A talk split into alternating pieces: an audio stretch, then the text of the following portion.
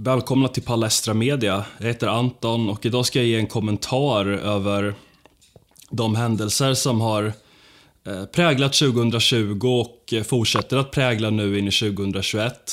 Jag kommer lägga tyngdpunkten på det som händer i USA men som såklart alltid när det gäller USA får eh, följdverkningar även i övriga världen. Och det handlar om Black Lives Matter och det amerikanska presidentvalet. Och jag kommer inte framföra något egentligt nytt i något av det här för jag tror inte jag har så mycket att bidra på den punkten. Men jag kan inte riktigt låta bli att jämföra de här, eh, händel de här händelserna och framför allt hur de har behandlats av media och vilka slutsatser man kan dra från det. Och det jag framförallt vill prata om är en problematisering av det som man skulle kunna kalla för medias problemformuleringsprivilegium kring de här frågorna. Hur de formulerar problemen eh, och hur problematiskt det blir när de gör det här. Det är vad dagens ämne kommer handla om.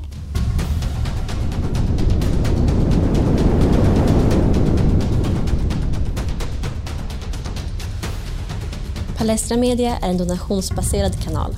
Stöd den media ni vill se växa. Swisha till 123 02 65 298. Man skulle väl kunna säga att 2000-talet skakades av två pandemier. Den ena var Black Lives Matters och den andra var Corona. Och en av dem håller fortfarande på och det, det är ju Corona då. Och Black Lives Matters var ju en, en följetong under hela, hela vintern och sommaren och, och hösten av upplopp och kravaller och liknande och det hade sin upprinnelse i eh, det föregivna mordet då på en person, eh, George Floyd, som skulle ha begåtts av den amerikanska polisen eh, när de grep honom. Men, men det som var var ju att polisen grep honom för att han framförde ett fordon narkotikapåverkad. Han hade ett mycket diget brottsregister. Han hade bland annat hotat en gravid kvinna med pistol. Och eh, Poliserna grep honom då när han, Eh, han motsatte sig det här och det slutade med att han hamnade på marken och blev nedhållen. Och sen senare så avled han på sjukhuset och om jag inte minns fel så var det av hjärtproblem. Och det man ville göra från, från medias sida över hela världen det var ju att man ville beskriva det här som ett, eh, ett rasistiskt mord. Det var polisernas eh, eh, rasistiska föreställningar som hade lett honom till, som, som ledde dem till att göra det här. Det spelade egentligen ingen roll i rapporteringen att det fanns väldigt goda anledningar att lagföra den här personen utan det målades upp som ett, som ett genuint rasistiskt och annars omotiverat ingripande. Och det här fick ju protestvågor över hela världen. Och vi fick se en medierapportering om eh, upplopp och kravaller och plundring och så vidare. Och intressant nog så beskrevs ju allt det här eh, hela medierapporteringen skulle man ju kunna säga eh, präglades ju av en total brist på kritik en total brist på kritisk granskning av det som hände. Utan man tog varje tillfälle i akt för att, eh, för att höja upp det här som en ny medborgarrättsrörelse.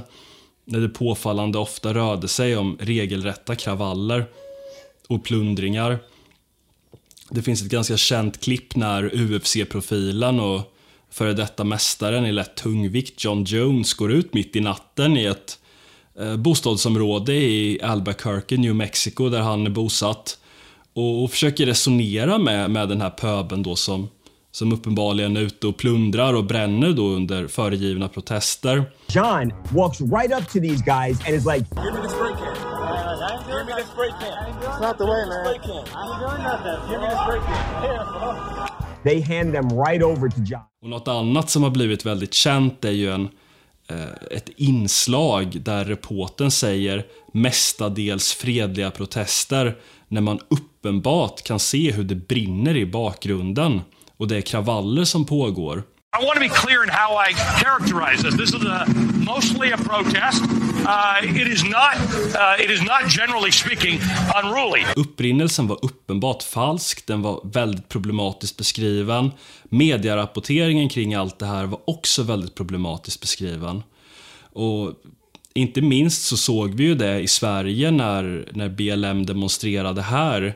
Därför att då samlade man ju tusentals personer på Plattan i centrala Stockholm mitt under då pågående pandemi. Men av någon anledning så fanns det inga problem överhuvudtaget med att, eh, med att eh, samlas så många om man protesterade då för BLMs sak. Det, det skulle inte leda till någon ökad smittspridning eller någonting. Och självklart så ledde det till kravaller, våldsamheter, flera, eh, flera ordningspersonal blev skadade. Och det, det kulminerade på något märkligt symboliskt sätt i att en ung kvinnlig polis valde att knäböja framför den här mobben då. Trots att det inte riktigt fanns några säkerhetsskäl för henne att, att göra det här. Men allt det här får mig att reflektera över medias problembeskrivning. Och jag kommer att koppla det här till hur man har eh, beskrivit allt det här med Donald Trump som också har ägt rum under 2020 och nu under det tidiga 2021. Och de, för att liksom lite förstå det här och för att rama in det här så måste vi gå tillbaka till 1980-talet och till en svensk eh, filosof och författare som hette Lars Gustafsson. Som var en av de stora namnen under svensk efterkrigstid, som var en eh, mycket, mycket begåvad person som gjorde väldigt stora insatser i den svenska samhällsdebatten. Och han myntade någonting som han kallade för problemformuleringsprivilegium. Och det är kort och gott att eh, det finns alltid någon som har, sitter på mandatet att formulera problemet. Ett exempel som Gustafsson använder och som, som kanske är den mest lättillgängliga formuleringen är att Föreställ er att en restaurang är totalt fullsatt. Ska man då beskriva det som att eh, restaurangen har för många gäster eller att den har för få bord? Och det är källarmästaren som avgör och det är inte gästerna. Och Det är liksom det enkla exemplet men det här går ju att applicera på det mesta inom politik och det appliceras hela tiden. att Tänk er en debatt som handlar om arbetslöshet.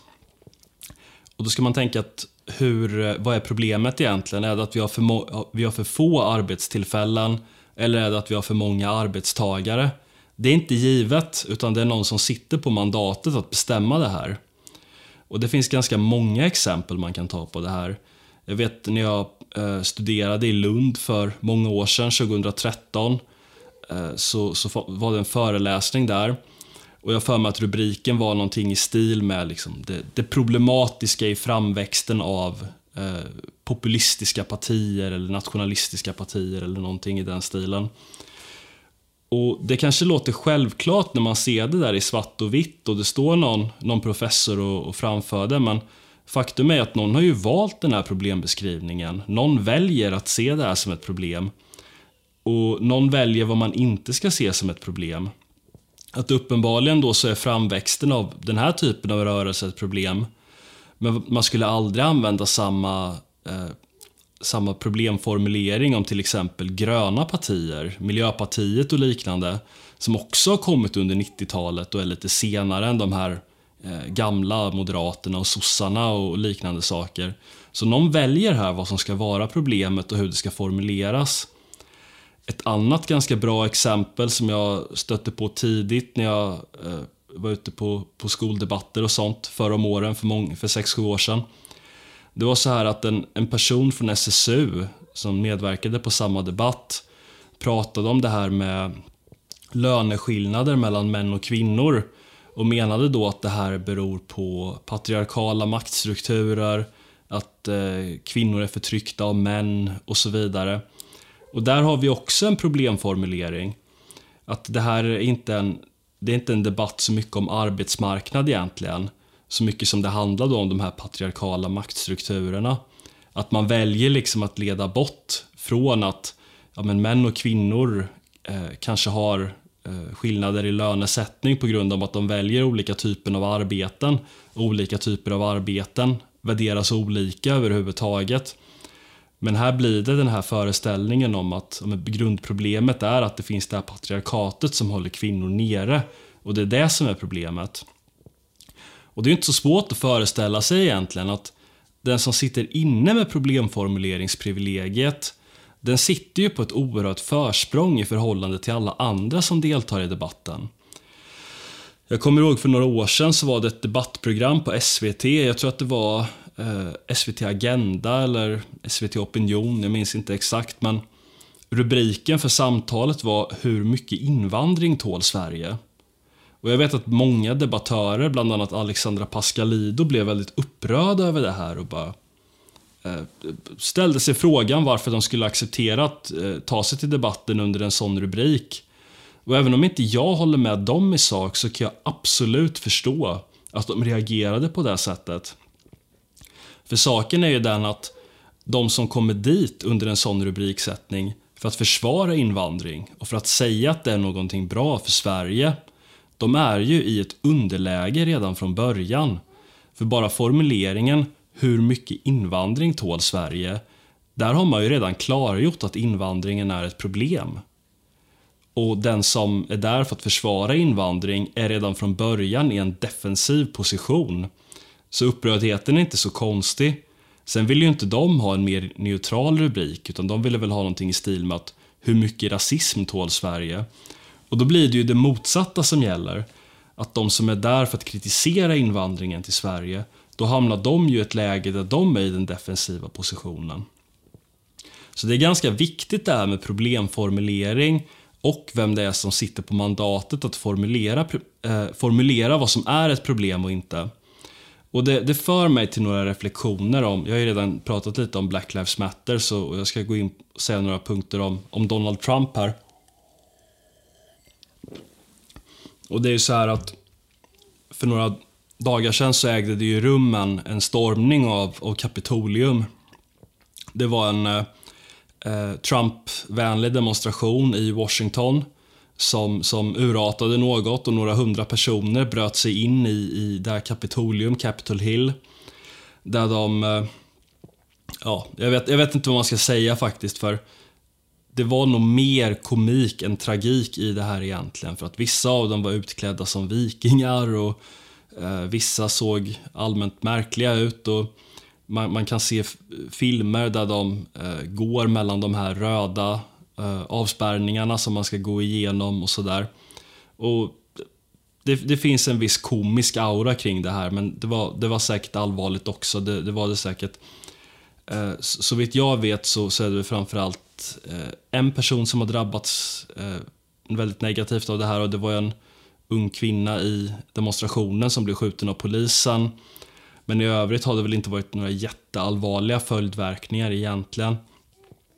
Och jag kan inte låta bli lite att göra en jämförelse här därför att media har ju unisont gått ut och kölhalat Trump på grund av det här. Och han ska ju nu ställas inför riksrätt för andra gången i USA. Och det jag menar är väl inte egentligen att medierna ska rapportera okritiskt om det här, för jag tycker att de, de kan, de bör rapportera kritiskt om en sån här sak. Det är liksom ingenting de ska, om det sker en sån här sak, det är ingenting de ska stå och heja på. Men det är ändå magstarkt på något sätt att hålla på och eh, prata om, om det här som någon sorts extremhögens resning och statskupp och så vidare. När man suttit under hela det föregående året och hyllat Black Lives Matters som har kravallat på en oändligt mycket större skala än vad det här någonsin har varit. Det är ju ett hyckleri som saknar motstycke. Och nu menar man att Trump då sprider konspirationsteoretiska föreställningar och han har uppviglat den här mobben och så vidare.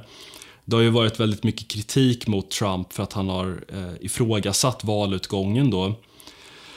Men här drar jag mig till minnes att under flera år efter att Trump vann under 2016 så fick vi ju höra från alla stora medieinstitutioner att eh, Trump vann valet tack vare valpåverkan, eller på grund av valpåverkan från Ryssland.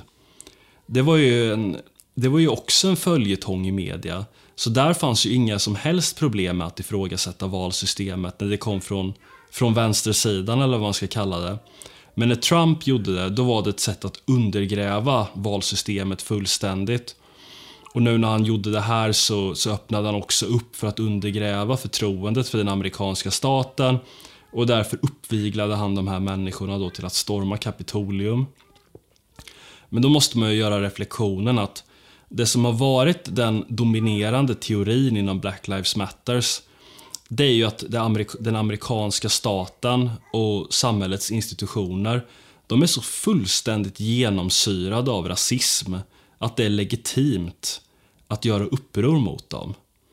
De är så fullständigt opolitliga och förtryckande i förhållande till USAs svarta eller färgade befolkning.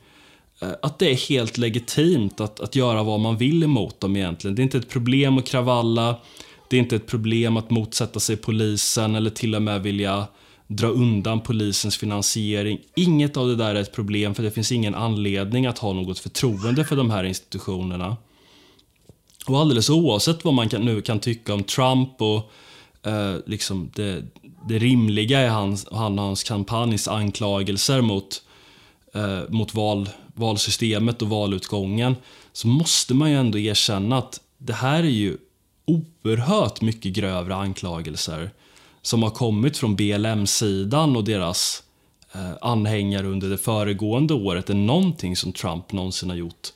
Men det här avspeglar ju sig överhuvudtaget inte i medierapporteringen och därför kommer det inte få något genomslag i det allmänna medvetandet.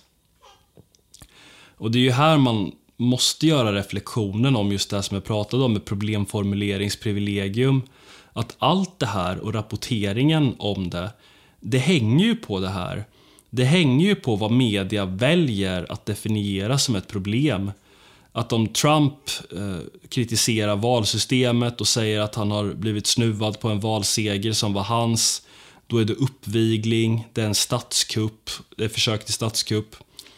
Om, om de stora mediehusen och, och politiker som är rivaler till Trump ifrågasätter valsystemet genom att hävda rysk, möjligheten av rysk valpåverkan, då är det inte ett problem, det är inte ett undergrävande av det demokratiska systemet. Om, om Trumps anhängare vid något tillfälle eh, gör någonting dumt, vilket de gjorde i och med stormningen av Kapitolium, då är det liksom högerextremismen på frammarsch, det är en revolt och en statskupp. Om BLM vid tusentals tillfällen under det gångna året Eh, kravallar och förstör småföretagares egendom och ställer till totalt kaos på gator och torg utifrån föreställningen att den amerikanska staten och våldsmonopolet och deras institutioner är så totalt opolitliga förtryckande och genomsyrade av rasism, att det enda alternativet är att göra uppror mot dem, då är det inget problem. Det är inte alls ett illegitimt undergrävande eller en konspirationsteori eller någonting. Och Det säger ju lite sig självt egentligen att när den här rapporteringen får genomslag då formar det ju det allmänna medvetandet på ett sätt som blir direkt felaktigt. Och det, det är ganska viktigt därför att tänka igenom medias problemformuleringar och på något sätt så, så blir det väl oundvikligt att alla mediekanaler kommer välja hur de formulerar problem utifrån, utifrån sin egen inriktning, utifrån hur de själva ser på världen. Vilket ju är en desto större anledning att inte uppmuntra enskilda aktörers monopolställning utan tvärtom eh, uppmuntra till, till, till en livlig konkurrens inom mediemarknaden helt enkelt. Så vi får en heltäckande eh, bild av vad som händer där, där olika typer av aktörer kan, kan komma fram.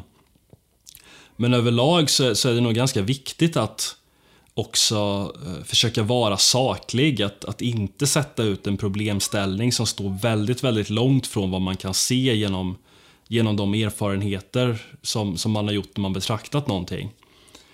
Och Lars Gustafsson skrev ju om det här 1980 och han skrev inte om någonting som ens liknade här utan han skrev om mediavänstern, den nya klassens vakthund, om hur mediavänstern eh, lägger fram Eh, for, problem som gör att den offentliga sektorns förslag alltid vinner genomslag därför att de, de får ett försprång i och med hur problemställningarna formuleras.